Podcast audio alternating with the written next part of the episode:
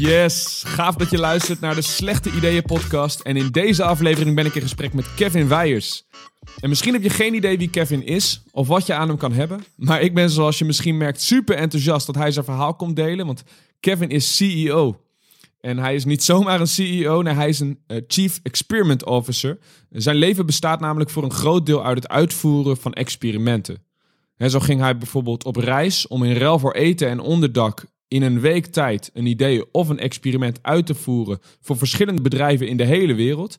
En als spreker en schrijver deelt hij fantastische verhalen over deze reis en, en de lessen die hij hieruit heeft geleerd. Uh, daar heeft hij dus een boek over geschreven ook. Uh, dat boek heet 21 dagen niet klagen en is vernoemd naar het laatste experiment uh, uit die reeks. Maar waarom nou experimenteren?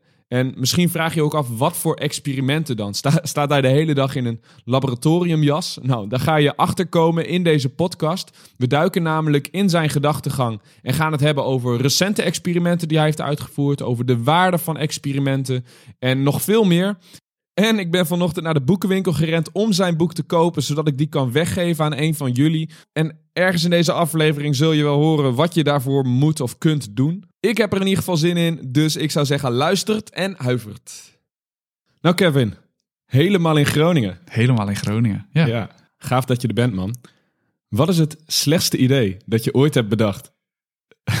ja, ik zat in de auto en natuurlijk net, ik was een podcast hiervoor aan het luisteren van jou. En toen hoorde ik die vraag, dacht ik, oh, dan kan ik die ook verwachten. Ja, ik weet het eigenlijk niet zo goed. Um, want ik, ik denk eigenlijk nooit heel erg nabij van, is het een goed idee of is het een slecht idee? Ik ben vaak gewoon nieuwsgierig naar dingen. En dan, uh, ja, dan ga ik ermee aan de slag. Ja. En dan uh, kom ik vanzelf wel achter of iets werkt of niet. In de originele vorm zoals ik het had bedacht. Um, en dan ja, dan passen we het aan. Dus ik, ik weet eigenlijk niet zo goed. Uh, en ook de dingen die bijvoorbeeld dan een succes zijn geworden, of dat van oorsprong al een goed idee was, of dat dat een slecht idee was wat goed is geworden. Of andersom. Dus ik, ik weet het eigenlijk niet. Nee, nee. En, en vinden andere mensen dan wel eens dat je slechte ideeën hebt? Nou, ja, kijk, ik ben natuurlijk, ik heb wel, ik heb wel gewoon ideeën over dingen. Uh -huh. En, uh, maar aan de andere kant ben ik ook wel weer redelijk praktisch. En ik, ik deel niet zoveel van wat ik bedenk. Dus ik, ik ben altijd meer. Um, dat heb ik helemaal in het begin een keer geleerd. Dat op het moment als je je ideeën gaat delen, op het moment dat het nog echt een idee is, dan gaan heel veel mensen er wat van vinden. En dan ben je vervolgens heel druk met, uh, met al die mensen. En dan hebben ze ja, maar dat kan niet. En dan ga je uitleggen waarom je denkt dat het wel kan. En in plaats van al je energie stoppen in het uitleggen van dingen, um, stop ik mijn energie vaak meer in het doen. En dan heb ik dus al twee of drie weken iets gedaan voordat ik het uh, überhaupt met de wereld deel. En dan weet ik al de eerste uh, aannames en dingen waar mensen mee gaan komen. En die kan ik die wat makkelijker onderuit halen. Want dan kan ik zeggen, ja, maar dat werkt wel, want ik doe dit al drie weken. Dus ik start vaak dingen onder de radar. Um, en dan, ja, dan ben ik gewoon bezig. Dus dat, dat experimenteren, dat, dat zit er dan altijd al gewoon een beetje in. Um, ja, en dan, en dan praat ik er wat minder over. Ja, ja, ja. En hoe reageren mensen dan als je het dan uiteindelijk vertelt wanneer je het gedaan hebt? Of als je al verder bent in dat proces? Um, nou, ik, ik, denk dat mensen zich er dan vaak wat beter in kunnen verplaatsen. Dus op dit moment ben ik, uh, uh, heb ik al, ik heb al 21 dagen gedaan. Ik zit in de tweede keer 21 dagen um, van minder schermtijd op mijn telefoon. En de reden daarvan was dat ik, ja, ik vond gewoon dat het wel een beetje minder kon. Um, en ik was benieuwd van of het mijn creativiteit uh, ten goede zou komen. Want ik, ja, het, is op zich, het is een best drukke periode. Het gaat best wel goed. Um, veel opdrachten, dus dat is allemaal hartstikke leuk. Maar voor je het weet, zit je daar continu, zit je erin.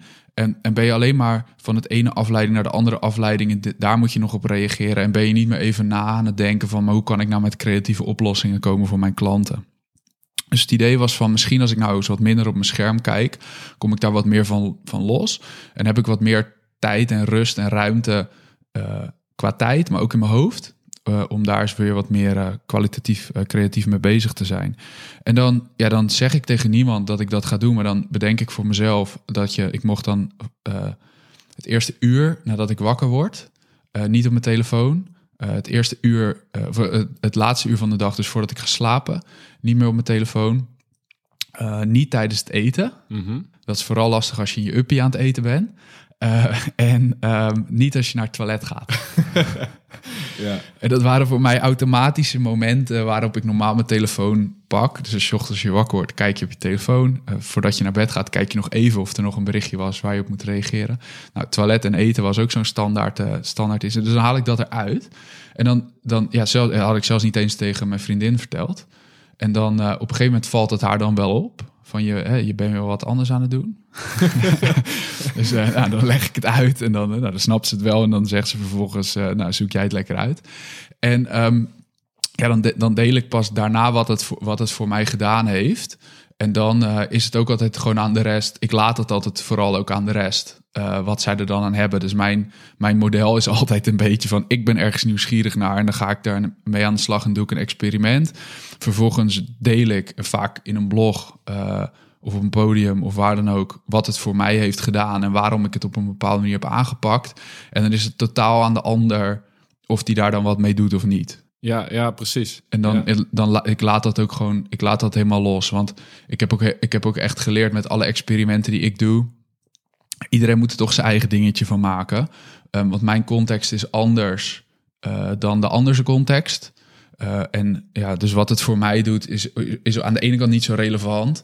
Um, de andere kant is wel natuurlijk, als ik deel wat het met mij doet, kan het iemand anders inspireren om te denken van hé, hey, misschien is dit wel de moeite waard om het ook te doen. En blijkbaar vinden mensen het ook wel leuk om, om, om dat te horen. Want er zijn een hoop mensen die, ik denk die, het, die, ja. die het horen, toch? Ja, blijkbaard. Ja, ik Ja. denk het, ja. Dat er behoefte is aan mensen die af en toe eens wat anders doen. Ja, en, en, en, en als we het dan hebben over, want ik, ik denk dan in, uh, in, in, bijvoorbeeld als je het hebt over efficiënt werken of slimmer werken, denk ik al eigenlijk best relaxed als ik dan juist op het toilet zit en dan even op mijn telefoon ga kijken. Maar wat levert het jou op om dat niet te doen? Ja, dus veel meer rust uh, in mijn hoofd. En um, ik denk, zeker in de, deze tijd, hè, dat, ik hoor van heel veel mensen dat ze uh, schermmoe zijn. Omdat ze continu de hele dag achter Zoom zitten of Teams of whatever. En als je dan dus 10 minuten pauze hebt en je gaat vervolgens op het toilet ook nog eens in een scherm zitten. Ja, dan, heb je, dan, dan gun je jezelf totaal niet meer tijd om eens na te denken over een aantal dilemma's of vraagstukken waar je mee te maken hebt op een dag. En dan ben je van taakje naar taakje naar taakje aan het gaan, eigenlijk. Hè? Dus je, een, berichtje beantwoorden is gewoon een taakje afvinken. Dat zijn, dat zijn allemaal kleine dingen. En ik heb wel geleerd door de jaren heen dat het meer gaat over de. dat je gewoon een aantal grote dingen voor elkaar krijgt. Maar om een groot, wat complexer iets op te lossen, ja, heb je gewoon onafgebroken, ongestoorde tijd nodig. Um, waar je over datzelfde ding aan het malen bent. Uh, in ieder geval, zo werkt, het, zo werkt het bij mij. En door dan de dag uh, niet reactief te beginnen, dat is eigenlijk waar de magie zit. Dus dat de, wat, wat de grote les is, is van hoe je, je de, hoe je de dag start. Dat is eigenlijk een soort van het ritme waar je de rest van de dag in komt. Dus dat eerste uurtje niet op je telefoon kijken, dat was de eerste paar dagen was het gewoon echt afkicken. Mm -hmm. uh, want je bent, uh, hè, maar heb ik niks gemist? En wat dan zit je daar, zat ik aan het kookeiland thuis en dan dacht ik, ja, maar wat moet ik dan nu doen? Het lukte wel. En dan, en, ja, de eerste, ja, het lukte wel, want die telefoon lag gewoon in een hoek. Oké. Okay. En ik dacht, ja, ik ga echt niet kijken. Zo, com zo competitief ben ik dan wel. ja. um, ik heb afgesproken dat ik dit 21 dagen doe. Dan ga ik het ook 21 dagen doen. En als ik tot de conclusie kom van wat een onzin dat ik dit 21 dagen gedaan heb, ook prima. En, dus het ga, en, en je doet een experiment nooit om, om iets te bewijzen uh, dat, wat je vooraf denkt. Het gaat altijd om te ontdekken of datgene wat je vermoedt, of dat ook zo is. Um, en dan ook open daarin gaan. Maar wat het dus echt gedaan heeft, is dat ik uh, s ochtends dat eerste uurtje, dat wordt vaak twee uur, drie uur, vier uur. Uh, voordat ik pas op mijn telefoon kijk, omdat ik dan al met een groot iets bezig ben. Dus dat kan of een groot vraagstuk zijn voor een klant. Dat kan zijn dat ik een lezing moet voorbereiden voor mezelf. En dat ik aan het nadenken ben van welke verhalen passen het beste uh, op dat moment, op die plek. En dat zijn toch dingen dat het, dat, ja, dat het gewoon fijn is als je daar ja, gewoon even de rust voor, voor hebt om te doen. Het kan een hoofdstuk zijn, schrijven voor een nieuw boek of een blog. Of um, um, dingen waarvan je weet dat als je een half uur niet afgeleid bent, kom je op een gegeven moment in een bepaalde flow. Ja. Uh, waar er ineens allemaal ideeën naar boven komen. Maar voordat uh, uh, die ideeën naar boven komen, moet eerst een soort van, soort van rust zijn. Ja, dan moet je jezelf gunnen. Ja, je hebt gewoon soms even nodig om, om alle ideeën die je hebt, dat ze ook moeten klikken of zo. Dat ze bij elkaar komen en dat dat een geheel vormt. Tenminste, dat Ja. heb ik vaak dan.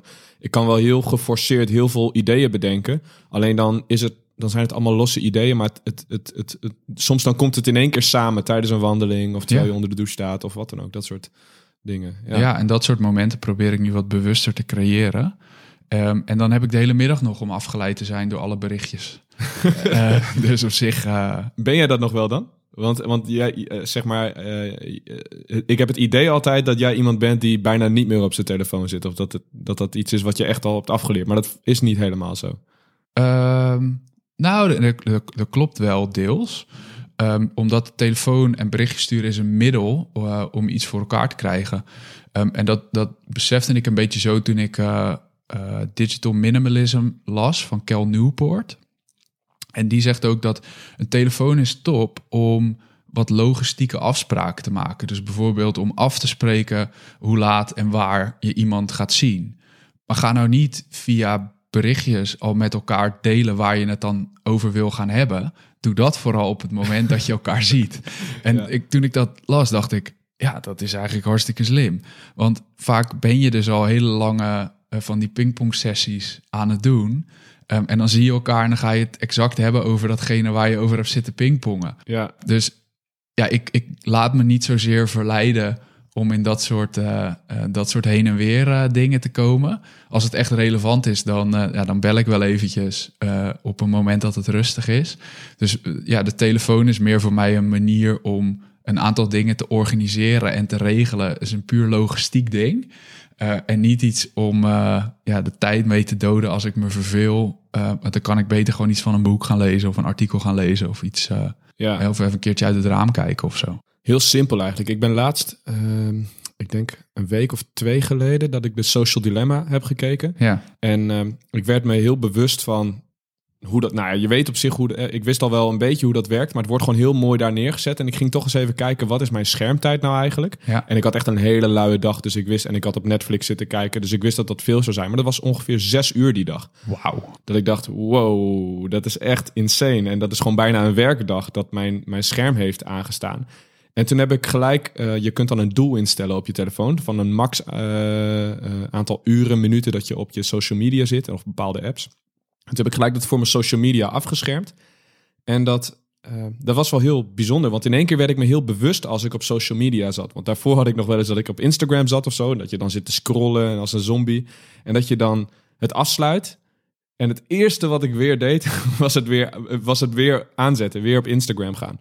En dat je gewoon merkt dat het gewoon gedragspatronen zijn die gewoon bijna in mijn duim zitten, zeg maar, die niet eens meer hier gebeuren. Maar dat vond ik zo eh, bizar. En toen dacht ik van ja, als ik al die tijd nou eens zou besteden aan een boek lezen, waar ik eigenlijk veel te weinig tijd aan besteed heb de afgelopen jaren, dat ik dacht, nou, daar wil ik, daar wil ik meer, besteed aan te- besteden, meer tijd aan besteden. Dus ik, wat ik nu doe is kijken hoeveel tijd zit ik per dag op social media. En ik probeer nu net zoveel tijd ook een boek te lezen of iets van persoonlijke ontwikkeling te doen. En ik had eerder, ik denk een maand of twee geleden, mijn meldingen uitgezet. En dat werkte dus totaal niet, omdat ik de hele tijd bezig was met het kijken of ik nog meldingen had. Dus ik ging actief juist naar een app toe om te kijken van, "Goh, heb ik nog een berichtje? En nu werd ik in één keer heel bewust. Dus elke seconde dat ik op social media zat, had ik door van, hé, hey, ik zit op social media. Wil ik dit nu? Is dit nu handig? Is dit nu nodig? Nee, oké, doe je telefoon. Ja, Nou, in die social dilemma, wat, wat wel een van de dingen is wat mij heel erg is bijgebleven, want dat, dit liep samen met dat, eh, met dat experiment om wat minder op mijn scherm te kijken, Hm. was wel over eh, hoe, als je dus, so- sommige mensen zeggen wel van, ja, maar als ik 's ochtends gewoon even op Instagram kijk, dat maakt toch niet zoveel uit. Mhm. Dan zeg ik, nee, het- nee, hè, nee dat, maakt dat maakt ook absoluut niet uit. Eh, Als je daar gelukkig van wordt, moet je dat ook, moet je dat ook echt doen. Ga ervoor.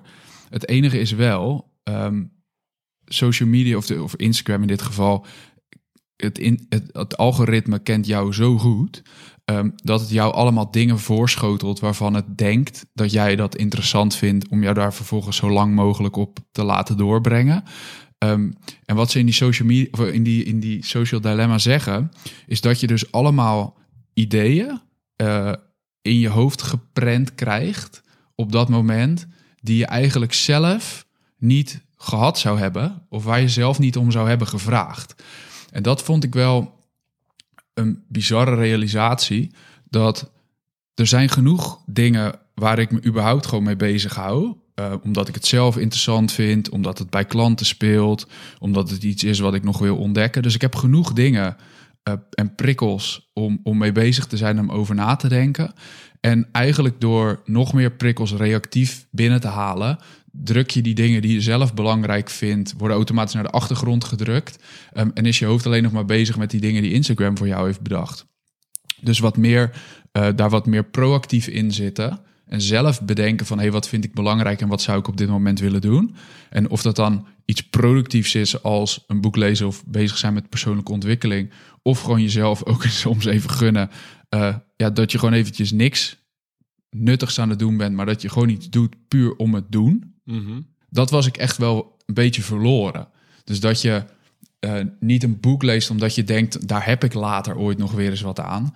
Nee, maar dat je gewoon eens een keer een stukje gaat wandelen door de stad. Gewoon puur omdat je een keer een stukje wil wandelen door de stad. Ja, Gewoon ja, omdat het doen op zichzelf voldoende reden is om het te doen. Ja, ja. En dat heb ik, dat heb ik een beetje terug.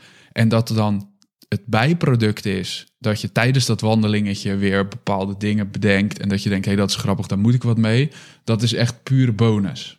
Ja, ja. Dus ja, dus, dus dat soort dingen. Ehm, dat is een beetje hoe het werkt. Maar dan, ja, dan begin ik dus gewoon met zo'n schermtijd-experiment. Dan ga ik niet eerst aan allemaal mensen zeggen: hé, hey, ik ga dit doen of zo. Mhm.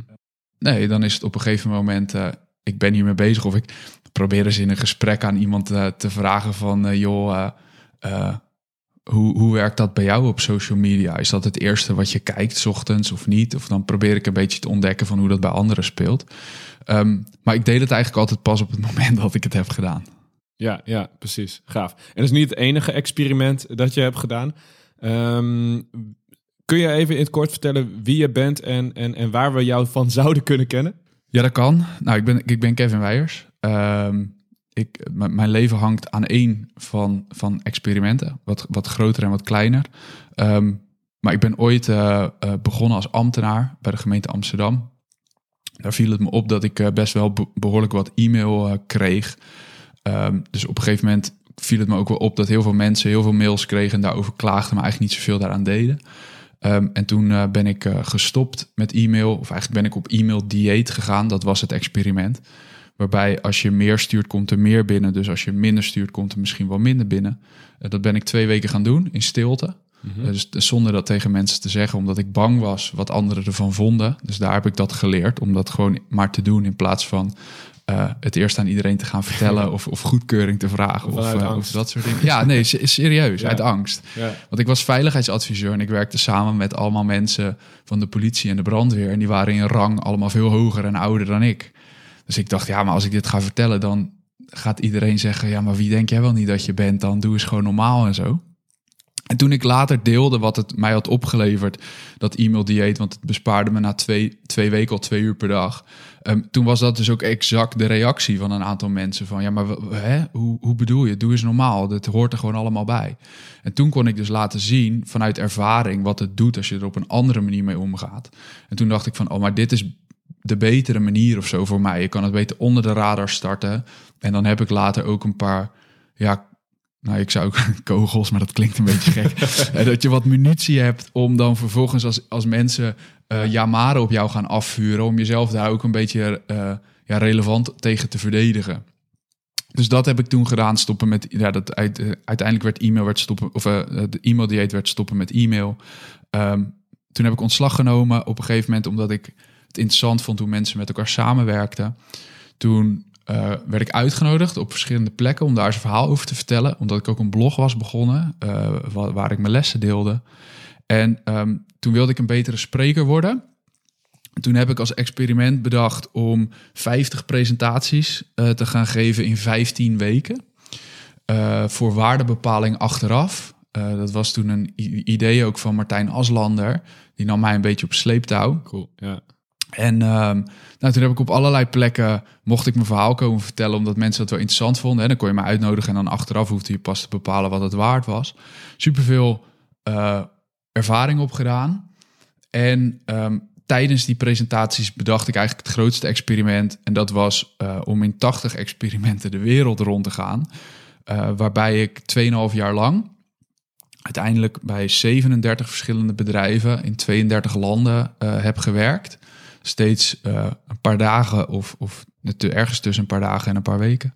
Ehm, waar ik hielp om nieuwe ideeën uit te voeren eh, in ruil voor eten en onderdak. Eh, dus dat heb ik 2,5 jaar gedaan.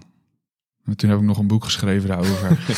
Ja. dat was een heel groot experiment. En een van de experimenten wat ook nog weer in het boek staat... is de 21 dagen niet klagen challenge. Die bedacht is door een Amerikaanse man. pastoor Will Bowen. En dat zag ik voorbij komen, vond ik interessant. Eh, eh, ben ik gaan doen. Eh, bandje omgedaan, want dan mag je 21 dagen niet klagen. en als je dan dus op een van die dagen dat wel doet... dan wissel je dat bandje van pols en dan ben je weer op dag 1. Mhm. Nou, drieënhalve maand over gedaan om het te, te halen. Ondanks dat ik mezelf zag als vrij positief, positief iemand. Ook weer een blog over geschreven. Dat werd weer opgepakt door RTL Nieuws. Nou, dat explodeerde het hele internet over. Ehm, en inmiddels heb ik meer dan 40.000 van die niet klagen bandjes uitgedeeld op allerlei plekken in het land. Van mensen die zeggen, hey, die challenge, misschien is dat wat voor mij.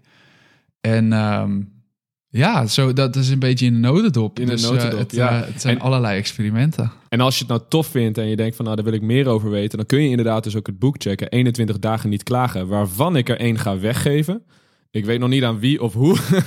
Maar zeg, heb je inmiddels al wat bedacht? ik, ik, ik, wat zei je? Heb je inmiddels al iets Nee, bedacht? ik heb nog niks bedacht. Ik heb een boek gehaald en ik dacht ik ga een giveaway doen, maar ik weet nog niet precies hoe. Dus dat, eh, dat volgt wel in de outro van deze Misschien kun je eh, mensen eh, een berichtje laten sturen met wat nou de meest originele vorm is van een giveaway. En dan degene die met het leukste idee komt, die krijgt het boek. Ja, precies. En dan heb ik daarna bedenk ik wel een andere giveaway. Ja, Ja. dat is inderdaad een goeie. Ja, check. Nou, dan gaan we dat doen.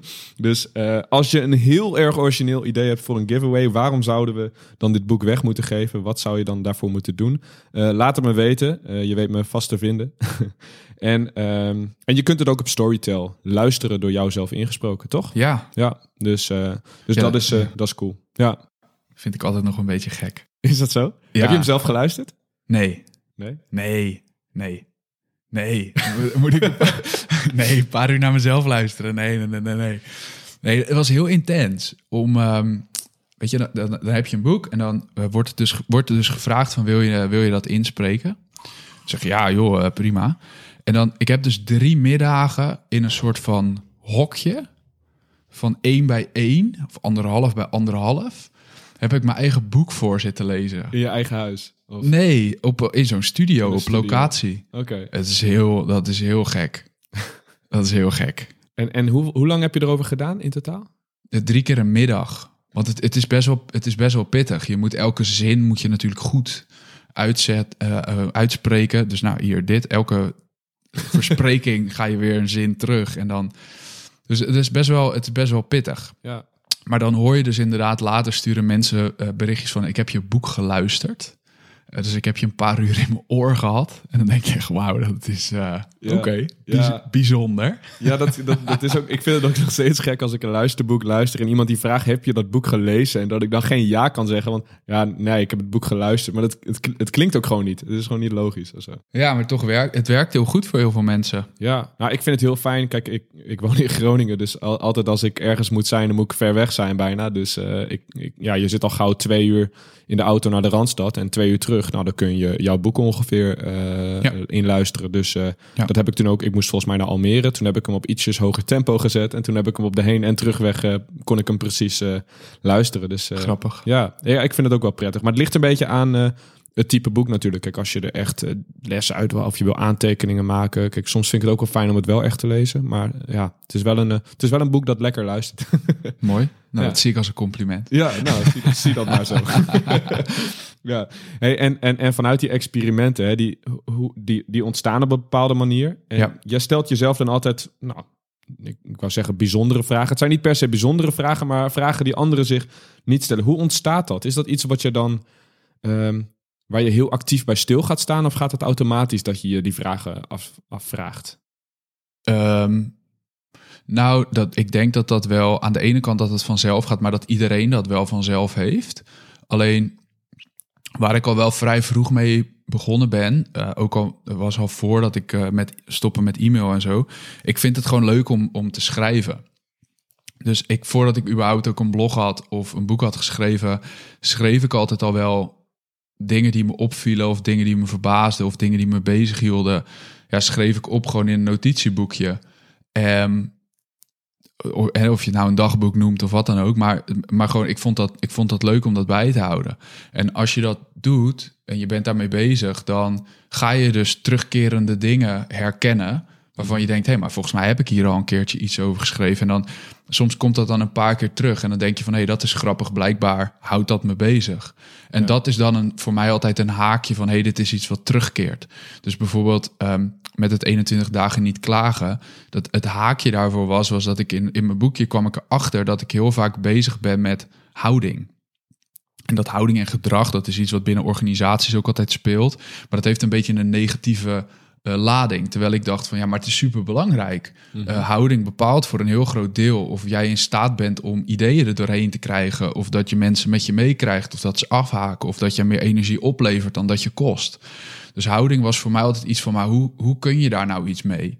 En toen kwam die 21 dagen niet klagen challenge kwam een keer op mijn pad via internet. En toen heb ik daarover geschreven. En op een gegeven moment kon ik die dingen dan met elkaar verbinden.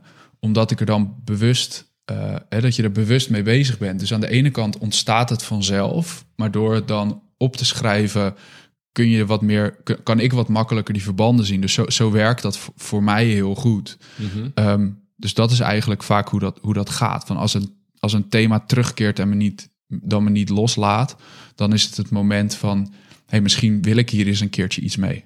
Ja, ja, precies. Ik moet even denken aan een, een, een vriend van mij, die heeft een tijd geleden een zoon gekregen. En toen heb ik, die is nu een jaar oud of zo, of anderhalf. En, uh, en, en toen, toen ondervond ik aan levende lijven dat, dat dat kind de hele tijd waarom aan het vragen was. En we weten dat allemaal, want dat kinderen natuurlijk heel vraag waarom, waarom, waarom vragen. Maar dat we het eigenlijk bloedirritant vinden. Ja. En, en ik wist dat wel, maar ik had het eigenlijk nog nooit echt ervaren. Maar is dat iets wat we dan afleren, denk je? Iets wat we, ja, wat we, van, wat we als kind kunnen, wat, wat gewoon niet meer mag, of dat dat niet geaccepteerd wordt? Want jij noemt, het, jij noemt houding, zeg maar, dat mensen dat een.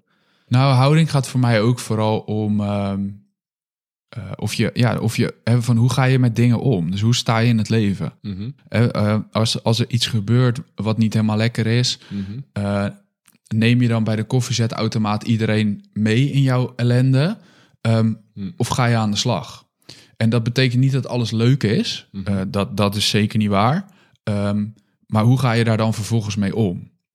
Dus dat, dat is iets wat ik altijd wel bewonderenswaardig vind. Van wat maakt nou dat sommige mensen, hoeveel ellende er ook op ze afkomt, dat ze altijd toch nog op een of andere manier een glimlach op hun gezicht hebben.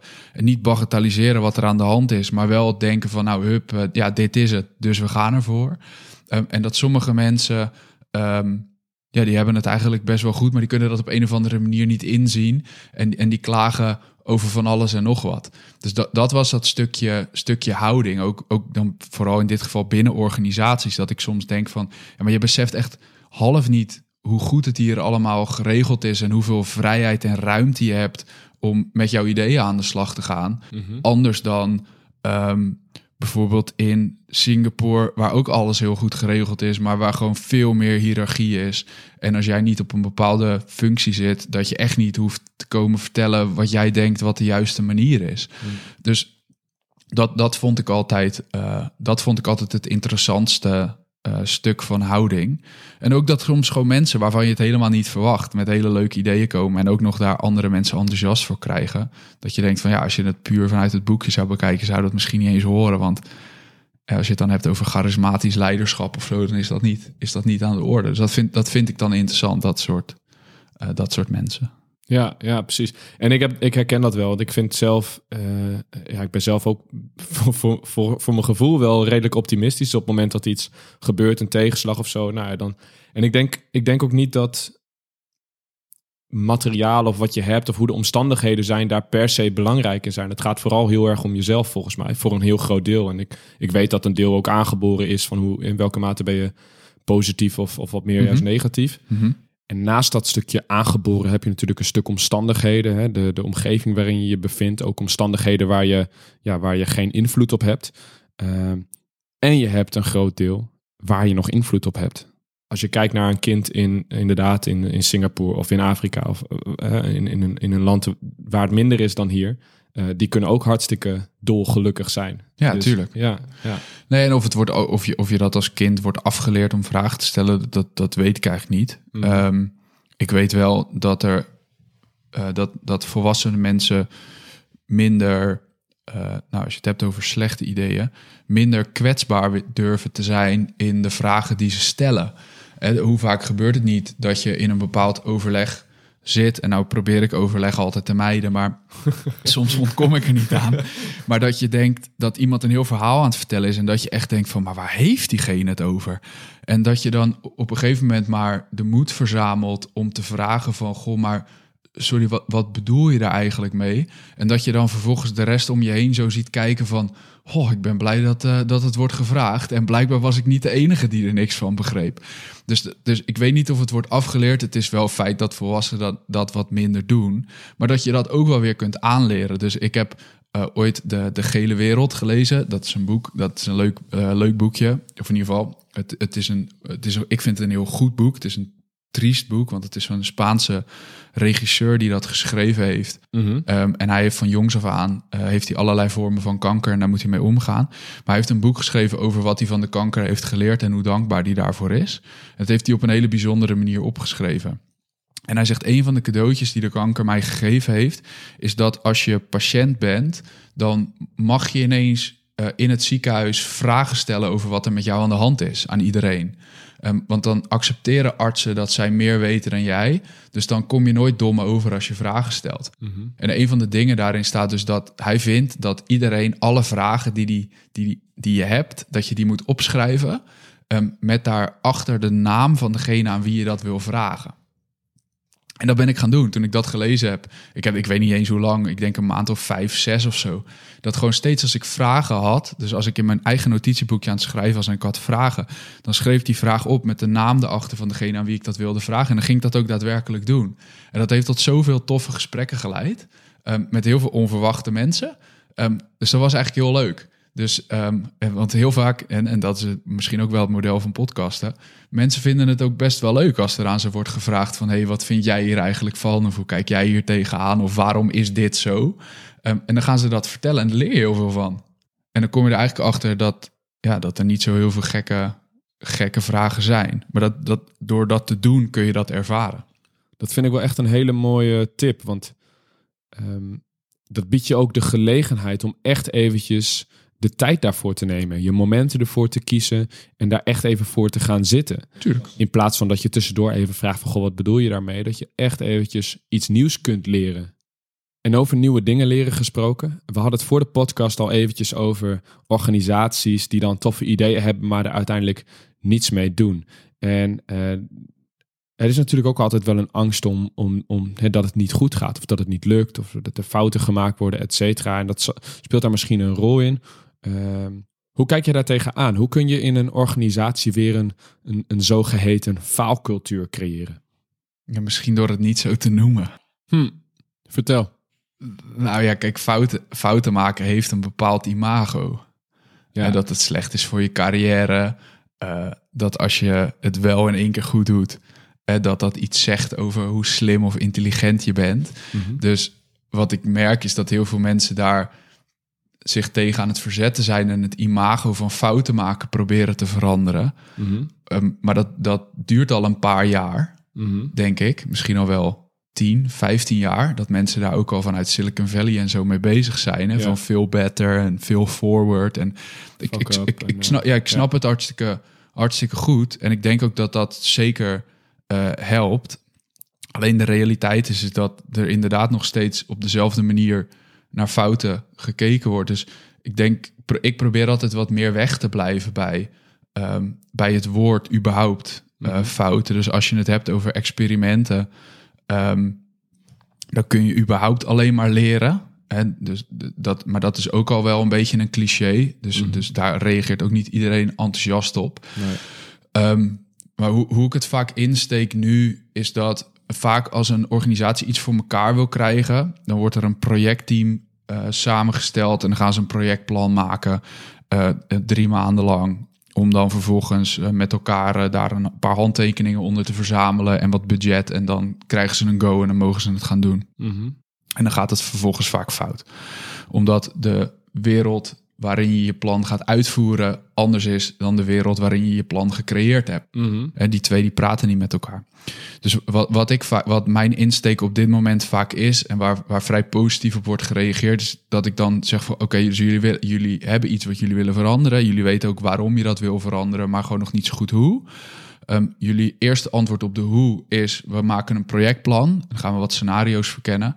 Ik zeg: ge- geef mij die tijd waarin je anders een projectplan was gaan maken. Dus die drie maanden. En laten we in die drie maanden eens een aantal dingen uitproberen. Dus een aantal experimenten opzetten.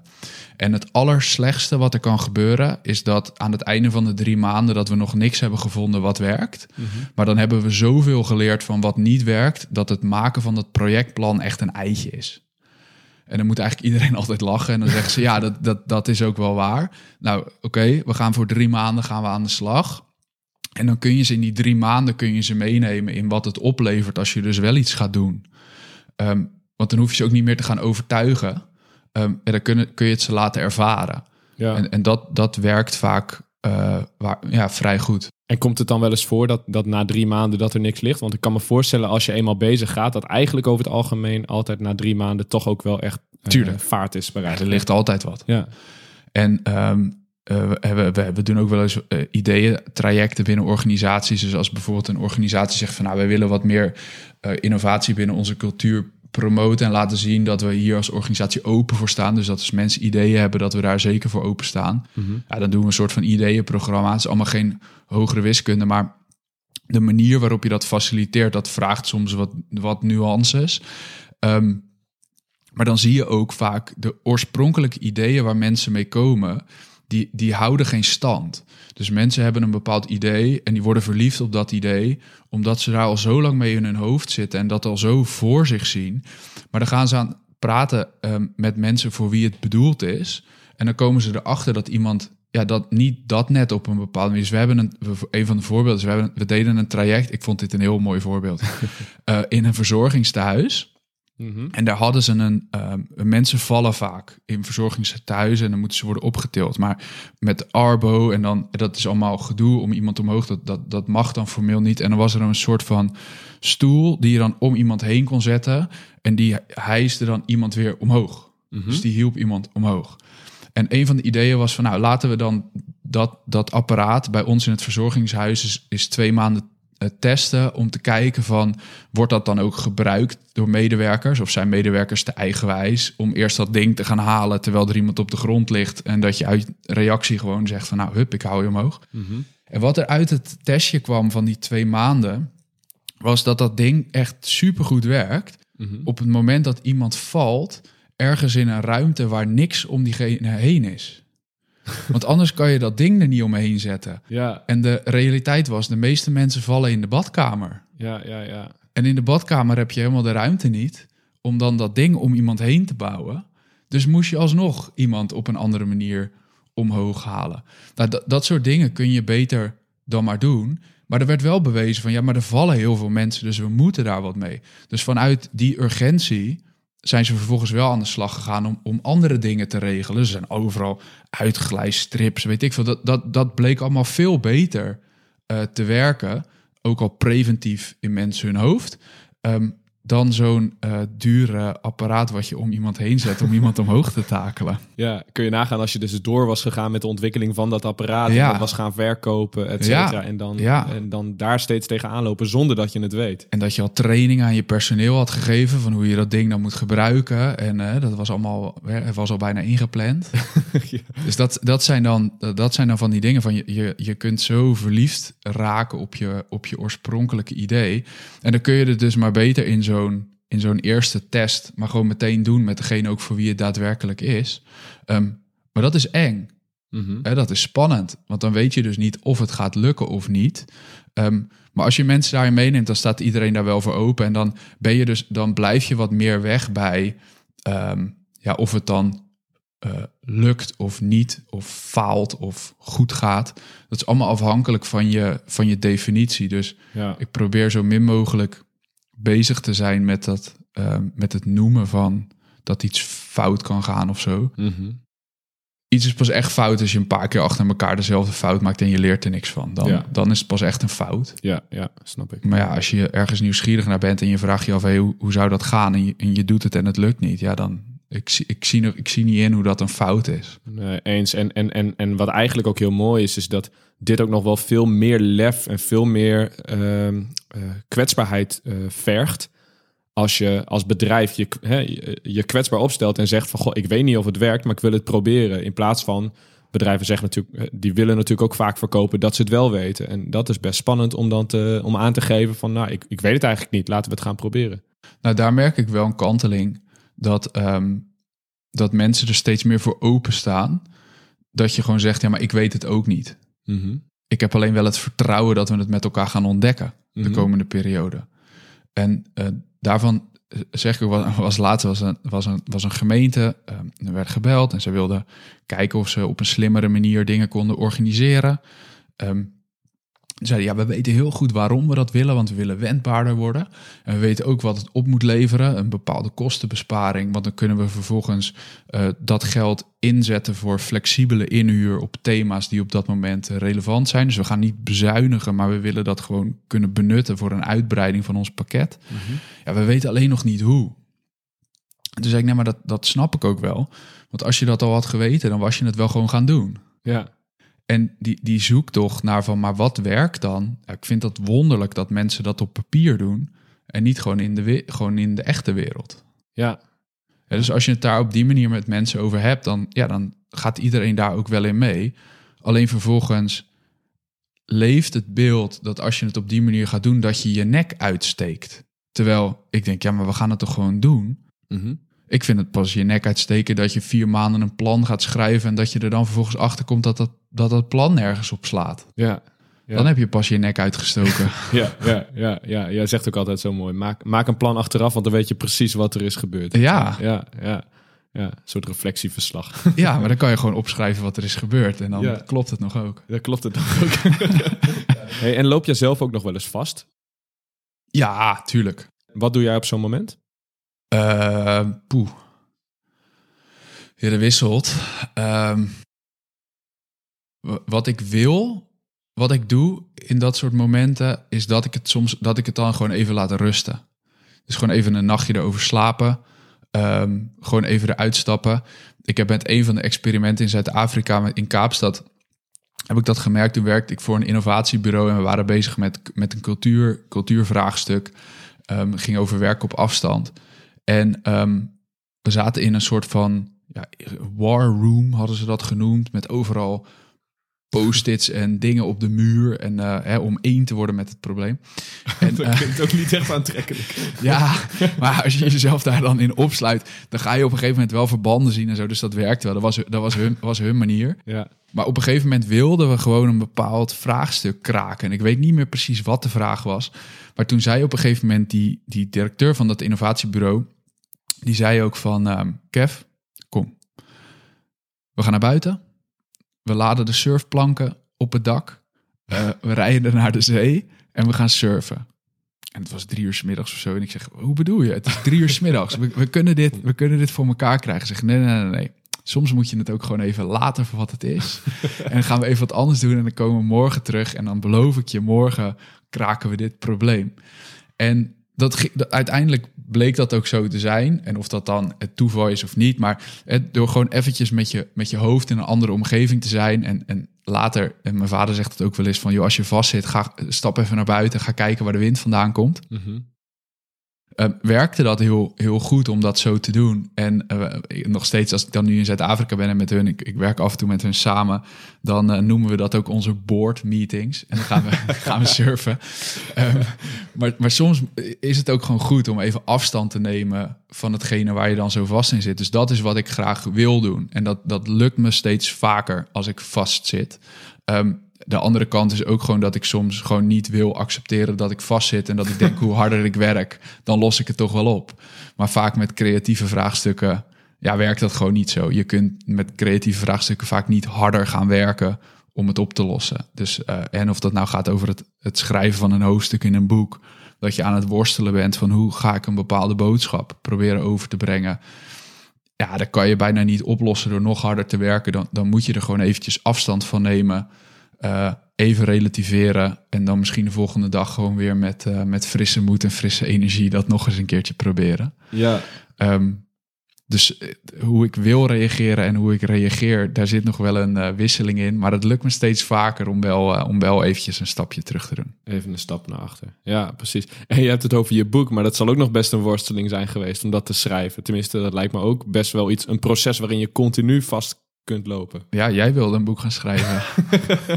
Dan ga je het allemaal merken. Ja, nee, dus eh, eh, nou ja, eh, je merkt het eigenlijk al aan de, aan de voorkant. Hè? Dus voordat je begint, dat je al denkt van, moet ik dit gaan doen? Want wie ben ik? Of waarom zou ik een boek schrijven? Of waarom zou iemand een boek van mij? Dus er zijn natuurlijk al allemaal gedachten Ja. waardoor je al kunt vastlopen. Ja. Hoe, hoe was dat dan tijdens het schrijven voor jou?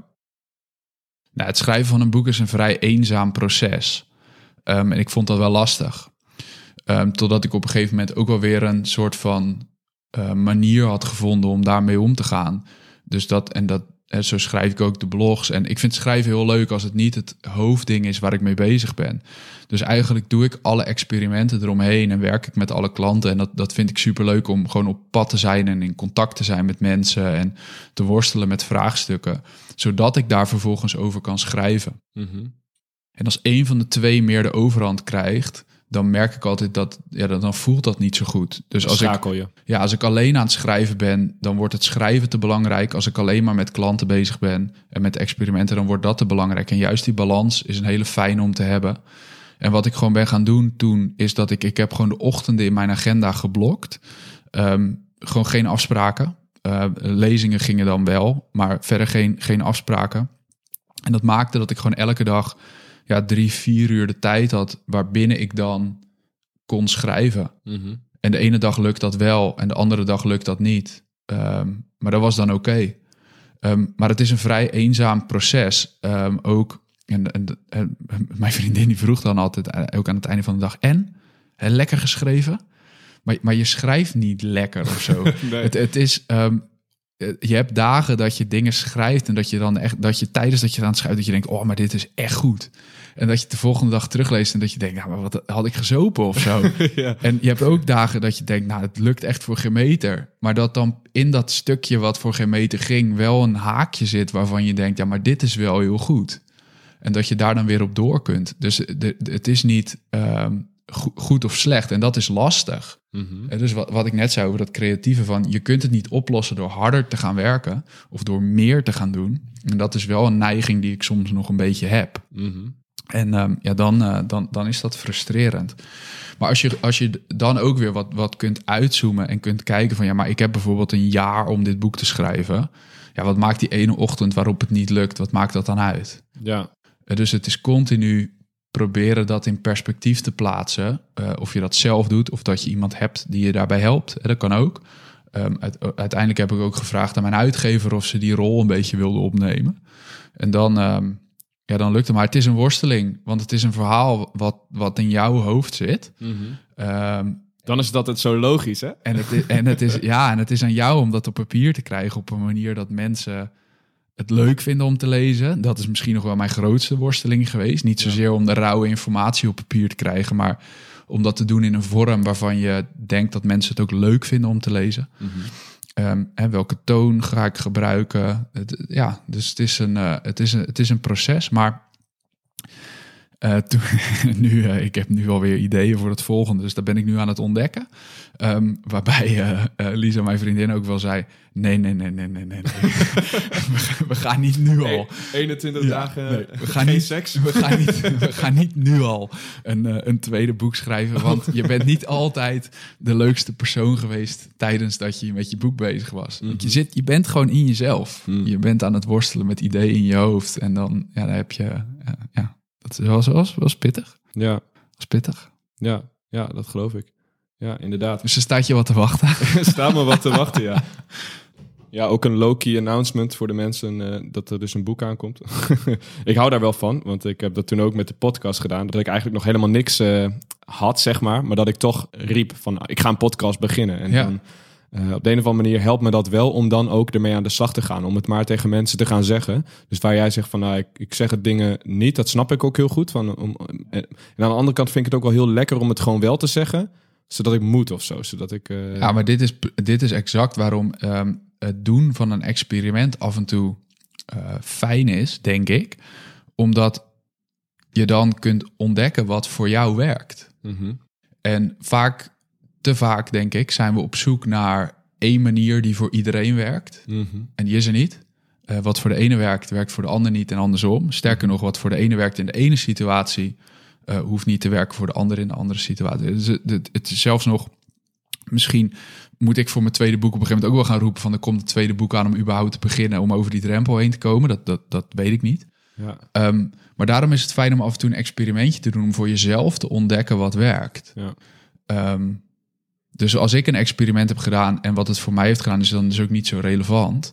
Ehm, het kan je alleen inspireren of, of aanzetten om, om het ook eens te gaan proberen. En misschien er wel achter te komen dat voor jou hele andere dingen werken. Maar dat is ook nuttig. Ja, ja, precies. Het is vooral, het is niet de inspiratie van het experiment, het eh, experiment zelf, maar het gaat soms ook om gewoon überhaupt eh, je eigen experimenten gaan uitproberen. Ja, geef jezelf eens een keer een nieuwe prikkel. Ja, ja, ja, snap ik. Ja.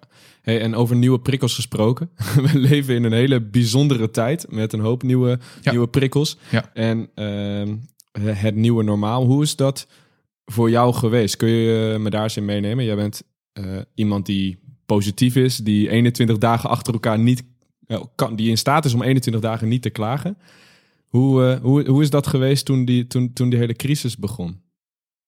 Het is een hoofdstuk in het boek, hè? Het nieuwe normaal. Is dat zo? Ja, dat had ik al voordat het corona was. Ik zit nu op te zoeken. Hier, bladzijde 93. Het nieuwe, Nieuwe normaal. Anyway, ehm, ja, hoe was dat voor mij? Ja, dat was, ja, was voor mij net zo gek, denk ik, als voor iedereen. Mhm. Ehm, kijk, het, het boek is juni 2019 uitgekomen. Daar kwam wat media-promotie omheen. Wat maakte dat ik ineens best wel op, op een boel podia stond in het najaar. En het idee was om dat in het voorjaar door te trekken. Dus de agenda stond in het voorjaar best ook wel volgeboekt met lezingen. Mhm. We hadden net een huis gekocht, eh, begin van eh, begin 2020. En op de middag dat wij gingen beginnen met de verbouwing, dus ik sloeg echt letterlijk de eerste muur eruit, eh, kwam het bericht van bijeenkomsten worden verboden. Ai, ai, ai. En ehm, ja, toen was het natuurlijk was gewoon één groot bloedbad in de agenda. Dus ineens alles wat bevestigd was, ja, dat ging niet door. En toen dacht ik, ja, poeh, in een onzekere tijd, want hè, midden in een verbouwing. Dus eh, hoe, gaan we, hoe gaan we dit doen? En toen kwam ik eigenlijk redelijk snel kwam ik erop uit van een huis verbouwen op de manier zoals we het nu aan het doen zijn. Dat is iets waarvan ik denk dat ik het één keer in mijn leven doe, eh, eh, heel misschien twee keer. Mhm. Dus dit is op, op zichzelf eigenlijk een vrij bijzonder iets om te doen. Ineens is mijn agenda leeg. Weet je wat? Ehm, ik verander mijn functietitel mentaal eh, op LinkedIn in bouwvakker. en ik ga, Alleen mentaal. ja, en, en ik ga, ik ga gewoon eh, zoveel, ik ga gewoon helpen hier. Dus ik heb tegen de, uit, tegen de aannemer gezegd, eh, dat, is een, dat is een goede vriend van mij. Ehm, ik zeg, Pim, ik zeg, eh, zet me maar in. Hij zegt, wat? Je betaalt ons toch om dat te doen? Ik zeg, ja, maar weet je, ik heb toch niet zoveel te doen op dit moment. Het, het voelt niet goed om bij klanten te gaan leuren voor opdrachten. Ehm, er was ook op een gegeven moment meteen een heel circus gaande dat iedereen die ooit een spreekbeurt had gegeven over libelles, die was ineens eh, gratis webinars aan het geven over van alles en nog wat. Ja. Ik dacht, ik, ik wil ook eigenlijk helemaal niet met die hele gekte meedoen. Nee. Geen oordeel over de mensen die dat wel doen. Dat, dat is helemaal, dat is aan ieder voor zich. Maar ik wil daar niet aan meedoen. Weet je wat? Ik ga gewoon een- in ieder geval een maand lang ga ik in mijn bubbel. Ehm, ik ga me hier niet eh, vertonen. Ik, ik laat gewoon even alles voor wat het is. En ik ga puur en, eh, me richten op, eh, op het verbouwen. En dat gewoon om op dat moment, wat, wat een hele onzekere periode was voor iedereen, gewoon bezig te zijn met een fysiek project. Mhm. Eh, dat is uiteindelijk is dat heel fijn geweest. En ehm, toen na een maand of zes weken mensen ook wel een beetje een vorm vonden van hoe ze daarmee om zouden eh, kunnen gaan. toen kwamen er ook wel weer langzaam van wat klanten, kwamen er vragen van, hey joh, uh, ja, we zijn nu op afstand bezig, we staan voor een bepaald vraagstuk. We vergaderen wel veel via Zoom of via Teams. Maar we hebben niet het idee dat we een stapje verder komen om ook daadwerkelijk met creatieve oplossingen te komen. Laat staan om dan op zo'n oplossing door te kunnen pakken. Heb je daar ideeën over? Nou, toen zijn we online zijn we wat design sprints gaan doen met klanten. Dus toen kwam er langzaamaan kwam, kwamen er ook wel weer gewoon vragen op, mhm. op ons af. Organisch. Ja, op een wat meer organische manier. En ik heb ook gewoon een aantal mensen een berichtje gestuurd om te vragen hoe het ging bij ze. Niet om werk binnen te halen of zo, maar gewoon puur. Ik was oprecht geïnteresseerd van, hey, hoe, hoe gaat het nu bij jullie? Nou, dat, dat kwam ook weer dat mensen dan vroegen, nou, hoe gaat het dan bij jou? En daar kwamen dan weer wat dingen uit. En zo is dat op een gegeven moment, langzaam is dat weer ja, een beetje opgepakt naar ja, dat het nu qua opdrachten eigenlijk en, en trajecten een, een stuk drukker is dan dat het voor corona was. Mhm. En qua lezingen is het gewoon ja, is het wat minder. En ehm, ja, ik moet zeggen dat ik dat eigenlijk op dit moment vind ik dat ook wel prima. het was natuurlijk gewoon een hele gekke tijd. Het is nog steeds een gekke tijd. Hè? Dat, dat je als je iemand ziet uh, waar je om geeft, dat je diegene niet, dat je niet eventjes een arm om diegene heen kan, kan slaan, is natuurlijk gewoon heel raar. Ja, ja, ja. En uh, wat ik ook steeds meer hoor van mensen is dat ze keihard aan het werk zijn, maar ja, dat de lol er wel een beetje af is. Ja, dat snap ik heel goed. Ja, als, ik je, heb, als je ook alleen maar thuis werkt en je bent gewend om altijd met collega's te zijn, dan uh, ja. En uh, ja, ik heb de oplossing niet. En dus met bijvoorbeeld met, met wat online trajecten. Ja, ik denk dat we heel hard ons best doen om, om er wat leuks van te maken. Mhm. En het heeft zeker voordelen. Online werken heeft voordelen ten opzichte van offline werken. Maar offline werken heeft ook voordelen ten opzichte van online werken. En, en dat is uiteindelijk straks ook uh, wat ik nu wel merk, is dat sommige organisaties zijn heel erg aan het uitkijken van als het straks weer normaal is. En die leven helemaal daar naartoe en die zien dit als een periode van overleven. Mm en sommigen zijn ook wel echt meer bezig naar, ja, maar wat kunnen we hier nu van leren? En wat kunnen we meenemen? En hoe gaan we het straks benutten als het allebei weer kan? Mhm. En dat vind ik wel interessant om te zien, hoe, hoe verschillende mensen daar op een verschillende manier mee omgaan. Ja, ja, precies. Ja, het heeft ons wel veel geleerd wat dat betreft. Ik vind het wel super interessant hoeveel uh, hoeveel vernieuwingen er eigenlijk zijn ontstaan door, deze beperk, hè, door, door de beperking die we ervaren vanuit, uh, vanuit de crisis. We, nou, we hadden het net al over de, de, de QR-codes die je nu op een tafel hebt bij een restaurant. Wat eigenlijk gewoon heel relaxed uh, middel is. Wat vast ook al wel bestond, maar wat bedrijven nu in één keer gaan inzetten. Dus misschien zelfs wel uh, als we het hebben over nou, waar we deze podcast over gehad hebben, dat mensen gedwongen van denken naar doen moeten gaan. Mensen moeten in één keer iets gaan doen, maar als ze het niet doen, ja, dan. dan, dan... Nou, en dat is wel ook als je dus binnen organisaties wat voor elkaar wil krijgen, of als je überhaupt iets voor elkaar wil krijgen, dan je hebt altijd een bepaalde urgentie nodig. Mm Ja, die is er nu.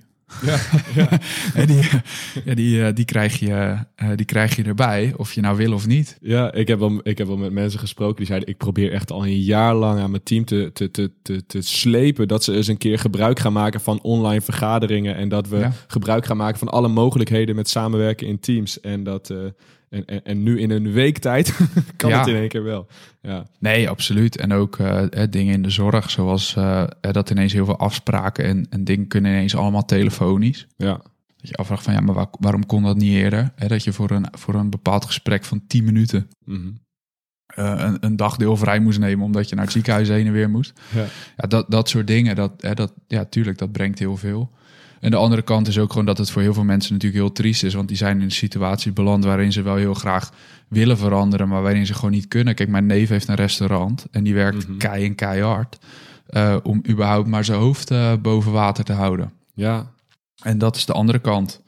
Dus uh, ja, het, het, zijn, het zijn en het blijven gekke tijden. Ja, zeker weten.